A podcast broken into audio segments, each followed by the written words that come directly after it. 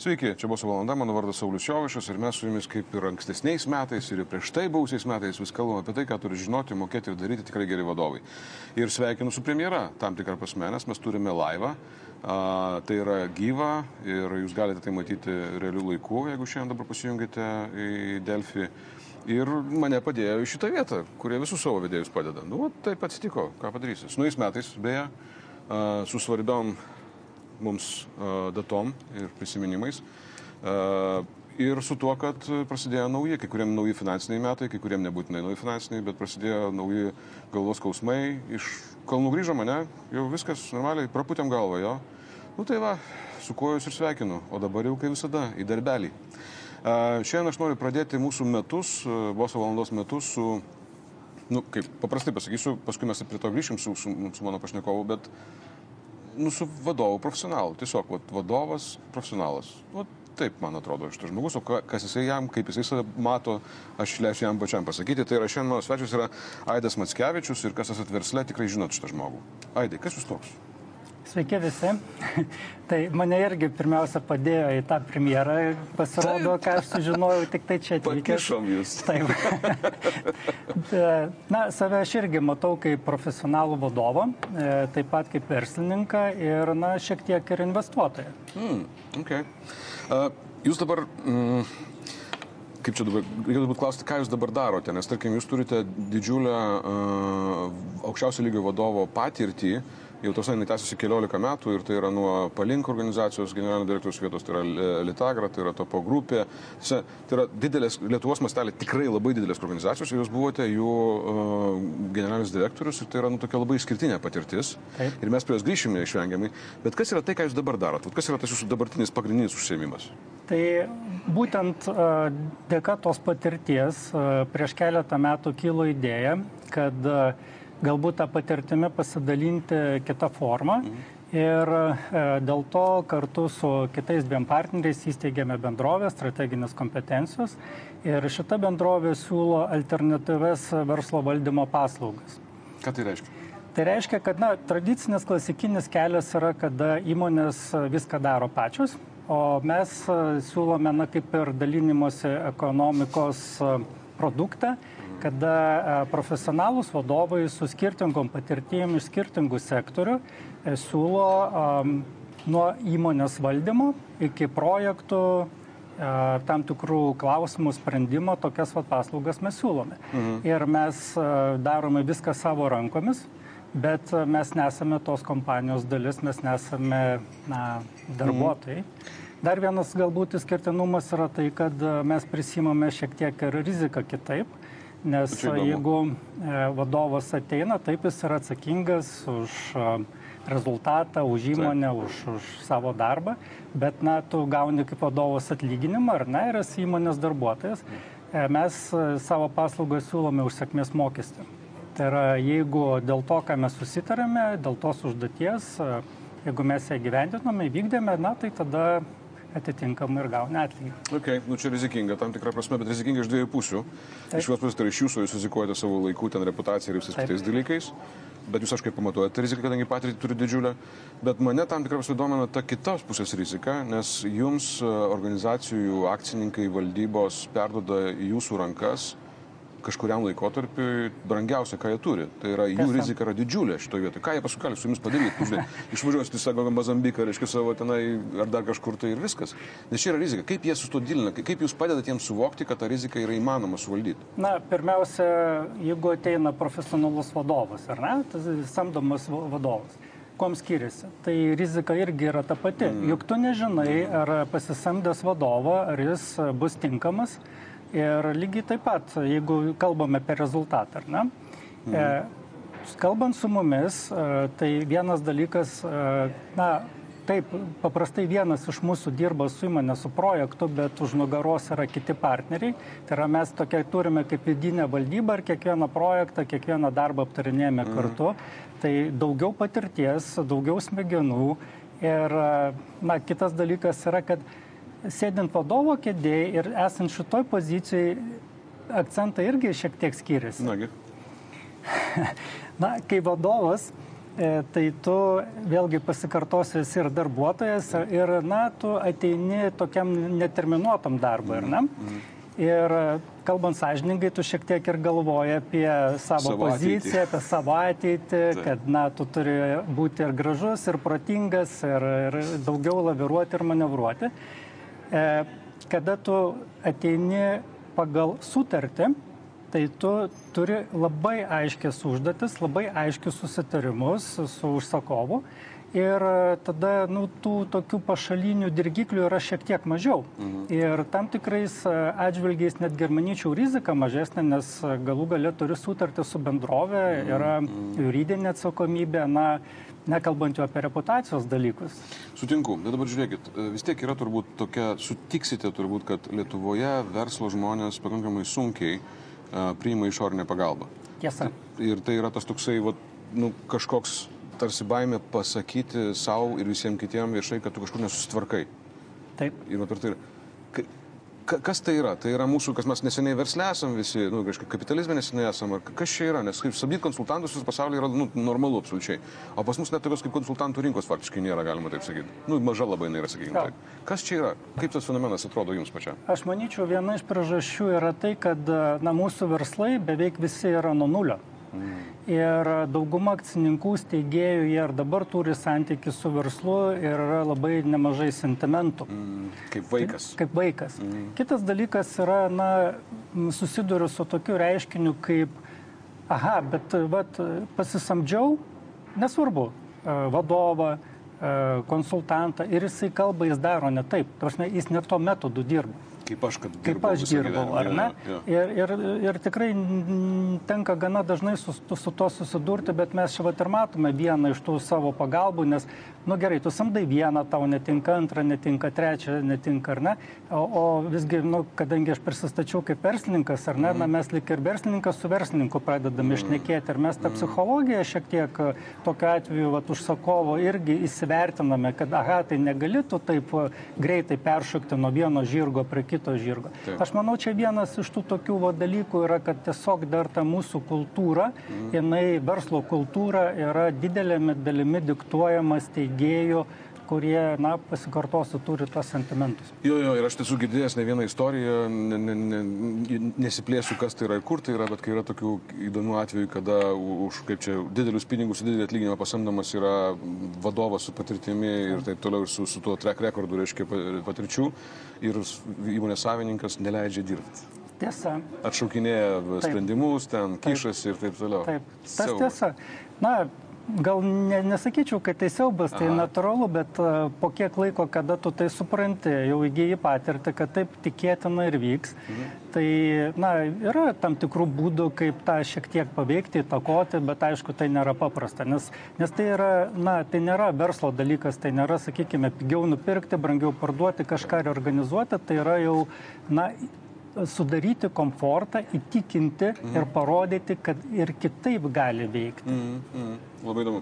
Kai jūs buvote tų didelių organizacijų vadovų, kita buvo karjera, tarkim, nu, aš galbūt truputėlį gal taip šoktelsiu keletą metų, ke, keliolika metų būti atgal gaunus, aš tiesiog ne, ne, neprisimenu datų, bet jūs buvote palinko finansų direktorius, po to tapot generaliniu direktoriumi, jeigu neklystu, tokia buvo pereina. Ir buvo tas laikas, kai jūs generalinis direktorius. Nu ir buvo didžiulė organizacija, kai 8000 darbuotojų, ten tais laikais buvo Taip. ten tam palinkė. Ir va tada jums pačiam nesinorėjo samdytis konsultantų? Ar nebuvo kilus mintis, kad aš kažkur tai, reiškia, stringu ir galbūt čia man reikėtų nupirkti kompetenciją, tiesiog nupirkti kompetenciją? Taip, bet mes tą darėme, tik tai gal, na, taip neįvardindavome, bet na, dirbame, kad ir, pavyzdžiui, su reklamos agentūra, ar ne? Nu, Turėdami savo marketingo mm. skyrių, bet mes kreipiamės į profesionalus. Mm. Ir aš galvoju, kad būtent tos didelės organizacijos ir turi tą privalumą, kad tu tuos resursus gali įsigyti, tų, ar tas kompetencijas, kurių tu neturi, mm. vienokią ar kitokią formą. Ir didelė įmonė taip atrodo, vat, na, iš šono žiūrint, jo, didelė įmonė, čia kažkas turėtų būti labai sudėtingo ten ir taip, taip. toliau. Bet aš netgi teikčiau, kad tokia įmonė yra lengviau jai vadovauti, ją tvarkyti ir valdyti, negu kad mažą ar vidutinę kompaniją. Kodėl? Na, dėl to, kad didelė įmonė čia kaip traukinys jau, kuris įsibėgėjęs, prikabinta daug vagonų ir jisai turi savo kryptį, juda ir jį labai labai sunku sustabdyti, ar ne? E, ir kaip jau sakiau, resursai leidžia e, tau tam tikrus klausimus spręsti vienokią ar kitokią formą pakankamai greitai ir efektyviai.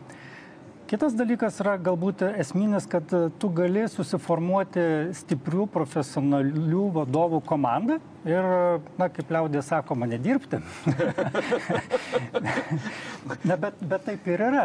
Dėl to, kad jeigu tu tą suvoki, ir leidi kitiems žmonėms tai daryti, tai negalvoji, kad tu esi pats protingiausias ir, ir visa kita, tai tikrai ta organizacija pradeda judėti pati savaime į priekį ir, ir labai labai efektyviai. Ko reikia, tai žinoma, reikia ta, tos vadinamos vėliavos, tai yra susitarti dėl krypties, dėl strategijos ir, ir tai, nu, tai natūralu.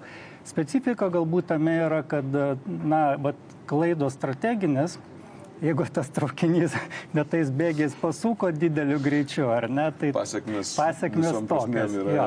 Aš įsivaizduoju. Jo, va, tarkime, ta pati mūsų kompanija dabar yra maža įmonė, ar ne, tai tu viską turi daryti pats, ar ne, ir tada, va, na, gerai pagalvoji, ar čia kažką, va, nu, ar tu pats pasirašysi čia kažkokį tekstuką, ar, ar pasisamdyti kažką, ar ne, tai, nu, daugiau darai. Aš manau, kad daugiausiai iššūkių yra tom vidutiniam įmonėm, E, dėl to, kad na, jos kaip jau ir turi ambicijas kitokias ir, ir dažnai susiduria su tam tikrais iššūkiais kaip ir didelės kompanijos, bet resursai yra kitokie. Ir ten, ten vadovas jisai atlieka gerokai kitokią rolę. Klasikinė turbūt situacija, kad jis yra pardavėjas, ar ne? Mm. Ta prasme, jis pardavinėja. O jau didelė įmonė vadovas, jisai nu, nebepardavinėja, jisai atlieka visiškai kitokias funkcijas. Nu, strateginiam daugiau mažiau, mažiau lygmenyje, taip. Būtent. Žiūrėkit, tada vat, jūs labai gerai nu, nu, nuvedėt prie tos profesionalumo, vadovo profesijos profesionalumo. Uh, egzistuoja toks daiktas kaip vadovo profesija. Mes tarsi nuo to pradėjom šiandien, bet daugeliu atveju, kai man tenka dirbti su vadovais, aš jums sakau, žiūrėkit, nu yra profesija, vadovas. Sa, a ne? Žinai, o ta prasme, žinai, ar yra profesija vadovas? Kaip aš sutikčiau, kad taip. Na, aš manyčiau, vat, kad tai yra gal, pavadinčiau truputėlį plačiau profesionalus vadybininkas. Mhm. Bet taip, manau, kad taip. Okay. Um, vat kai tokia turint didelę karjerą, didelę patirtį vadovavime, jūs galite tikrai identifikuoti nesunkiai, kas iš tiesų jūsų manimų, ką reiškia būti vadovu, kas yra vadovo darbas. Jūs pasakėt, paminėjote, tarkim, pardavinėti, priklausomai nuo organizacijos stadijos, ten ir taip toliau, tai nuo to priklauso, bet nežinau, kas yra pagrindiniai, core, va, tokie dalykai, kurios, kuriais turi rūpintis ir užtikrinti, ką turi vadovas. Mhm. Kas yra vadovo darbas iš tikrųjų? Na, žinot, vadovas nuo vadybininko man patinka toks pasakymas skiriasi tom, kad vadybininkas dirba samajame laikė, vadovas busimajame laikė. Mm. Iš esmės, vadovas e, tikrai turėtų turėti tą tokią... Mm, E, tą tokį gebėjimą e, strategiškai mąstyti ir žvelgti į ateitį. Čia vienas dalykas. Antras dalykas yra, tikrai jis turi būti labai geras personalo vadovas, bet mano akimis. Taip. Dėl to, kad na, savo karjeroje aš aplink save stengiausi turėti stiprius žmonės, stiprią komandą ir tikrai nejokaudamas sakiau, kad tada tu beveik ir na, nedirbi, neusiminėjai tais tom smulkiom problemom ir iš tiesų Na, tai turi būti žmogus, manau, toks pakankamai globalistas. Tai yra, na, gebėti e, įvairiuose situacijose matyti iššūkius, problemas ir, ir tinkamai tai reaguoti. Mm, mm, mm. Resursų valdymas taip, tarsi suprasti, kaip, kaip, kaip tinkamai pasielgti, na, toks Mm. lyderis, tas, tas vat, vėliavos. Kiek ugdytojo turi būti vadovo vaidmenyje? Vat, jūs sakote, turi būti profesionalus personalo tarsi Taip. specialistas, bet vat, tas ugdymo elementas, mes dažnai, vat, kaip jūs tą matot, kodėl tai yra svarbu būti vadovui ugdytoju? Na, aš manyčiau, žinote, yra, nu, kiek aš suprantu, yra tokios dvi galimos kryptis. Vienas dalykas, jeigu tu turi e, šalia komandos narį, tai tu gali arba stiprinti jo stipresias savybės, arba bandyti e, sustiprinti na, tarsi pašalinti trūkumus. Ar ne? Aš esu iš tų žmonių, iš tų sekėjų, kur sakom, ne, geriau, geriau visgi stiprinkime tai, ką jisai geriau daro, mm. investuokime į tai ir papildykime jo trūkumus, jeigu tokie yra kitais komandos nariais. Ir tokiu būdu, na, toks atsiranda kaip E, vienas kitą papildančių žmonių vadybininkų ratas ir jie tada labai puikiai dirba tarpusavėje. Mhm. Tai tas ūkdymas tai yra vat, pirmiausia tai atpažinimas, supratimas, e, su kuo tu dirbi, ką tu turi šalia savęs, nes tai mhm. labai labai svarbu mano galva čia ir yra pradžia. Mhm. Ar ne? Kitas dalykas yra, kad tvarkoj, tai tada e, apsispręsti, o kur reikia tos pagalbos Kom tu gali padėti, na, vat, vienoje iš įmonių, kurioje dirbau kaip vadovas,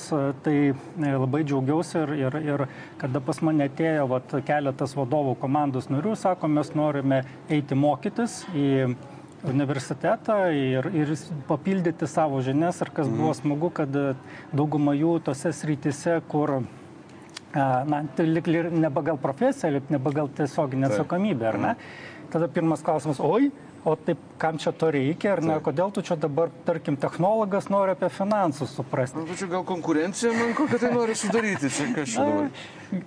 Galbūt kažkas ir taip pagalvoja, okay. bet žinokit, po to, kai jie baigia tos mokslus ir tada tu su juo kalbi ir tu supranti, kad tu daug lengviau susišneki, nes tada tai nebėra, kad man reikia vadažyti taip arba čia iš tokių medžiagų, bet jis jau ateina su finansiniu paskaičiavimu, kodėl to reikia. Tas mm. pokalbis vyksta gerokai greičiau. Tai manau, kad tas ūkdymas pagalba, na, tu pats turbūt visko nepadarysi, bet vat, pagalba ir taip Kitas dalykas, manau, kad e, ką vadovas turi e, daryti, tai e, būtent ir matyti ir tos trūkumus, problemas ir apie jas kalbėti nes dauguma, kiek aš suprantu, to tą vengia daryti ir paskui būna surprizas, kada pasikviečia kažką ant kelimėlį ar dešimties metų nuodėmės užsako, ar ne. tai, o, e... Žiūrėkit, čia labai svarbu momentų užkabinot. Kaip padė, patarkite, kaip prisiversti vadovui, vot nelauktų dešimties metų. Mhm. Matai, ir realiai reaguoti dabar šiandien į tai, kas yra ne taip.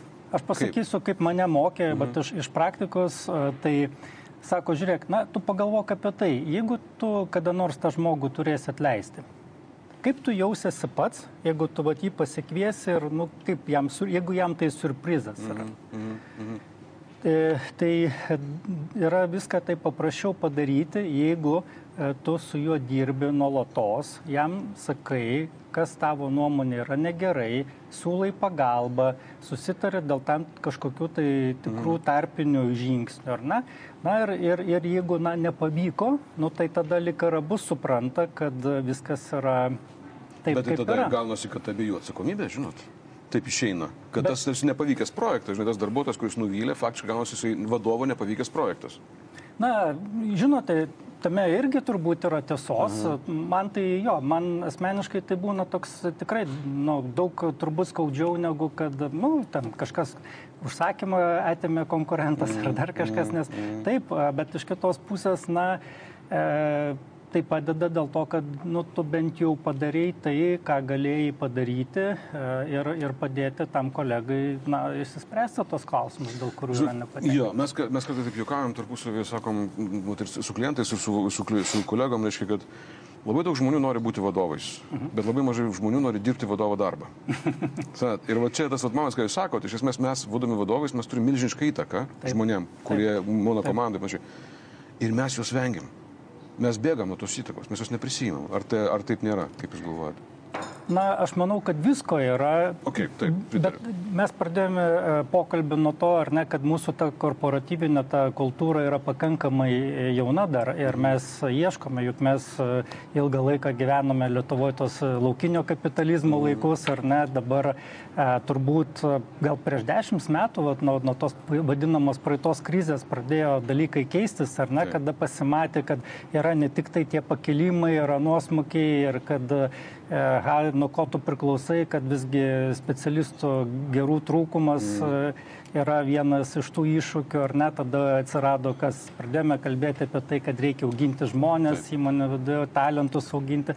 Tad tie dalykai labai labai stipriai keičiasi, tai neteina per vieną dieną ir, ir na, Matysim, bet, matysim, bet vis tiek judami prieki. Judami, aš vienareikšmiškai sutinku, bet vis dėlto man asmeniškai tas turbūt yra ta dalis to darbo, kurį man tenka dirbti, taip kasdieną, tai turbūt ir yra tas momentas, vat, padėti žmonėms suvokti savo įtaką ir ją Taip. naudoti. Taip. O nevengti jos, nes mes galime padėti, mes galime Taip. sukurti dalykus. Kai mes jos nenaudojam tos įtakos, tai dalykai tarsi pasidaro arba nepasidaro.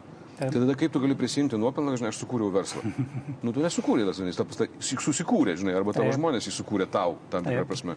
Tai va čia tokie niuansai tarsi įdomu. Aš su psichologija daugiau, to, to reiškia, baimės ten suklysti ir panašiai, vis tie dalykai yra. Na, tai nepatogu, ar ne? Klysti yra nepatogu. Nepatogu. Ne. O žiūrėkit, jūs gerai pasakėte apie tą momentą, kai aš esu kaip vadovas, aš ugdau, aš padedu, pasakau žmonėm, kas yra ne taip.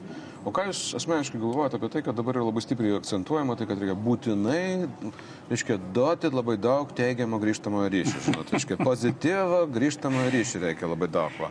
Kaip, kaip čia, ką jūs galvojate apie tai? Tai va, žinote, aš tą klausimą ar neatsakiau, na, aš gal šiek tiek kitų rakursų apie tą motivavimą, ar ne? Taip. Aš tikrai dažnai savęs klausiu, ar aš turiu motivuoti suaugusi žmogų. Mm -hmm. Okay. Na, kad, kad įmonė ar aš kaip vadovas turiu sukurti šio laikiškas darbo sąlygas, mhm. tai tikrai taip nu, normalu, ar ne? Tai Taip. dabar ne, ne 18, ne 19 amžius, ten nereikia tos griežtos labai tvarkos Taip. ir vergovės, ar ne? Bet, bet jeigu žmogus neturi vidinės motivacijos, jeigu jis į darbą ateina kaip į katorgą, ar ne, ir paskui mm. sako, jo, čia, nu, vat, kaip girdisi, ar ne, kartais Taip. čia vergovė kažkokia, tai manęs, manęs nemotivavo. Ne.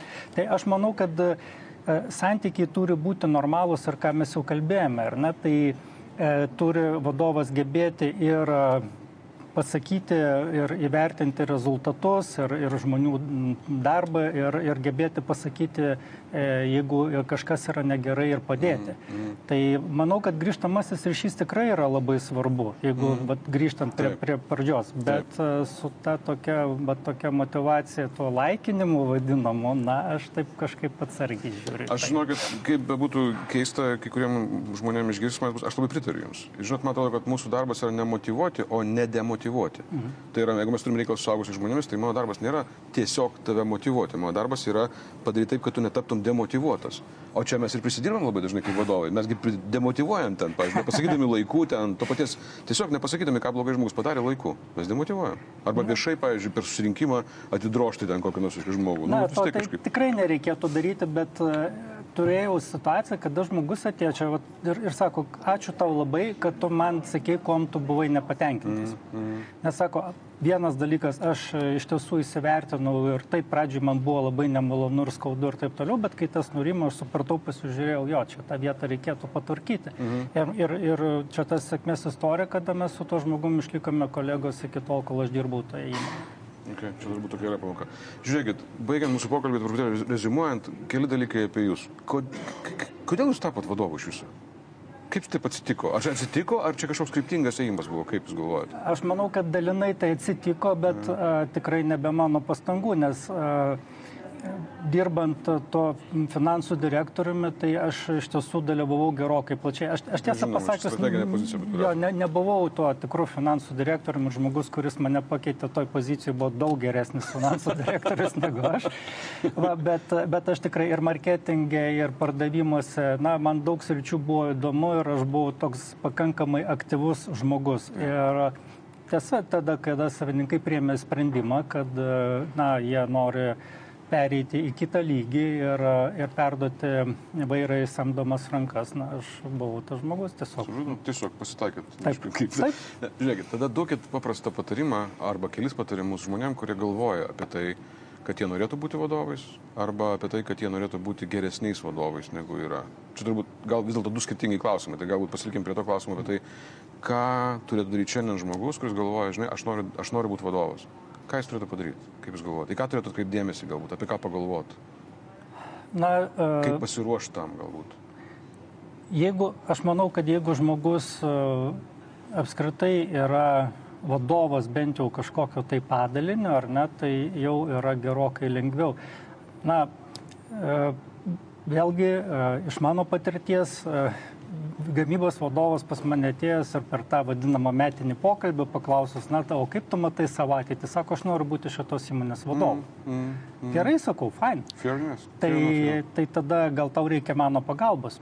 Mes tada galėtume susėsti su tavimi ir pasižiūrėti, e, tai ką tu turi, ką tu žinai, kokių mm. tau žinių trūksta ir, ir tada, mm. o kodėl ne.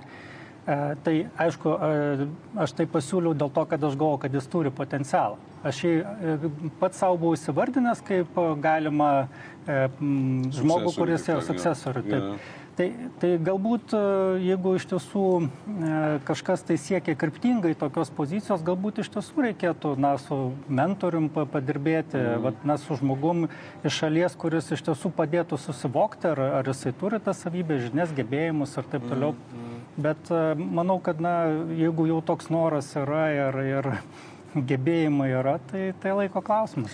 Man kažkaip prasme atrodo, kad, žinot, jeigu nori būti vadovu, tai labiau turėtum norėti nebūti vadovu, o padaryti dalykus. Žinot, padaryti kažką, kad įvyktų, o ne tiesiog būti vadovu. Padaryti, ką aš galiu padaryti, kad šiandien pas mus įmonėje būtų geriau va ta vieta. Ką aš galiu mhm. padaryti, kad šiandien aš ten, žinai, gaučiau geresnį rezultatą. Kažkaip apie tai turbūt reikia labiausiai galvoti, o ne apie tai, kad noriu būti vadovu. Kaip galvoju? Nu, o galima galvoti galbūt ir kitaip juokaujant, ar ne? Aha. Ką aš turiu padaryti, kad aš nieko nedaryčiau, ar ne? Kad tiesiog sėdėčiau ir vadovaučiau, nes... Nu... tai čia nieko nedaryti, aš labai, aš žinau, ką, žinau, ką jūs turite galvoje, bet jo. Ne, bet yra, yra žmonių, kurie ir taip mąsto, ir taip supranta. Žinot, aš tikrai manau, kad yra įvairūs skirtingi keliai, bet mm. manyčiau, kad viskas vyksta darimo būdu ir tokio mm. kryptingo darimo būdu. Mm. Ne visada tai pavyksta, kartais pritūksta kažkokios asmeninių savybių gebėjimų, ar ne? Na, mm. ne, ne juk turbūt ne vieno mūsų kelyje nėra vien tik tai ten sėkmės ir viskas čia gerai ir tokie va teigiami atsitiktinumai bet noras, siekis ir, ir nebijoti vat, pasitarti, pasieškoti pagalbos iš šalies, aš manau, kad tai yra viskas tuo. Ir šnekėti apie, šnekėti apie tai. Mhm. Nes, va, tarkim, kaip man žinoti, kad jūs norite būti vadovas? Jūs turite nuspėti mano mintis. Kaip ir visi darbuotojai, nu, gerai, ne visi, bet tikisi, kad vadovas nuspėsgi mintis, nu, jo lūkesčius nuspės ten, visą kitą. Jo. O vadovas savo pusės, jisai tikisi, kad jie supras, ko jis iš jų nori. Mhm. Ir nieko nesako, ne vieni nieko nesako, ne kiti nesako. Man žinau, kad tikrai patinka tos organizacijos organizacijos, atviros organizacijos, kur tu žini, didžiulė skelbimų lenta, kur yra įmonės rezultatai mm. paskelbti, kur tu e, turi tam tikrus kipeisus ir matai ten, kad ir šviesoforo principų, kaip ten sekasi, kokiam mm. skyriui ir taip toliau, ir, ir kur, kur žmonės laisvai bendrauja, nebijo užeiti, pasikalbėti, tai aš tiesiog e, už tai ir manyčiau, kad ten yra lengviau. Nu, aš labai dėkoju Jums už tai, kad Jūs taip užbaigėte šitą mūsų pokalbį, nes aš labai linkiu, kad visiems tie, kurie žiūrite šiandien ir galvojate apie tai, kokią savo organizaciją sukurti, kokiu man vadovu būti. O tokia paprasta pamokėlė iš to žmogaus, kuris daug organizacijų kūrė ir daug organizacijų valdė ir sukūrė ir padarė sėkmingus projektus. Jisai sako, žiūrėk, man žymiai geriau yra dirbti ten, kur yra atvira, ten, kur yra aišku, kas, kaip, ko, kokios žaidimo taisyklės aiškios. Nes kai, ne, kai neaišku žaidimo taisyklės, tai žmonės nervuojasi. o kai nervuojasi, negali normaliai dirbti dirbti. Kai žmonės čia... šypsosi, jie dirba geriau. Labai linkiu jums visiems mūsų gerbiami žiūrovai, klausytojai ir taip toliau šypsotis šitoje vietoje, bet šypsotis ne be pagrindo, žinot, nes be pagrindo tokia keista atrodo, ne? o šiek tiek su pagrindu ir susikurt savo tą pagrindą šypsotis. Labai ačiū Aidam, Aidu Matskevičiui uh, už išvalgas, už tą patirtį, kurią jis atnešė. Uh, mes su jumis matysimės kiekvieną trečiadienį 13 val. gyvai. O toliau ten, žinot, archyvai, ten grupės tos pačios visos Facebook'o boso valanda ir LinkedIn'o boso valanda. Ir šiaip pasiklausykit kartais mūsų. Čia gali būti įdomu. Ir man džiugu, kad sezonas jisai atsiranda, dar vienas sezonas prasidėjo, jisai juda ir panašu, kad mes biški čia tobulėjame ne tik techninė prasme, bet dar ten gal tikiuosi kažką patobulėsim. Ir labai laukiu jūsų kitą trečiadienį. Čia buvo Saulis Jovaišas, Boso valanda. Iki kito karto. Gero.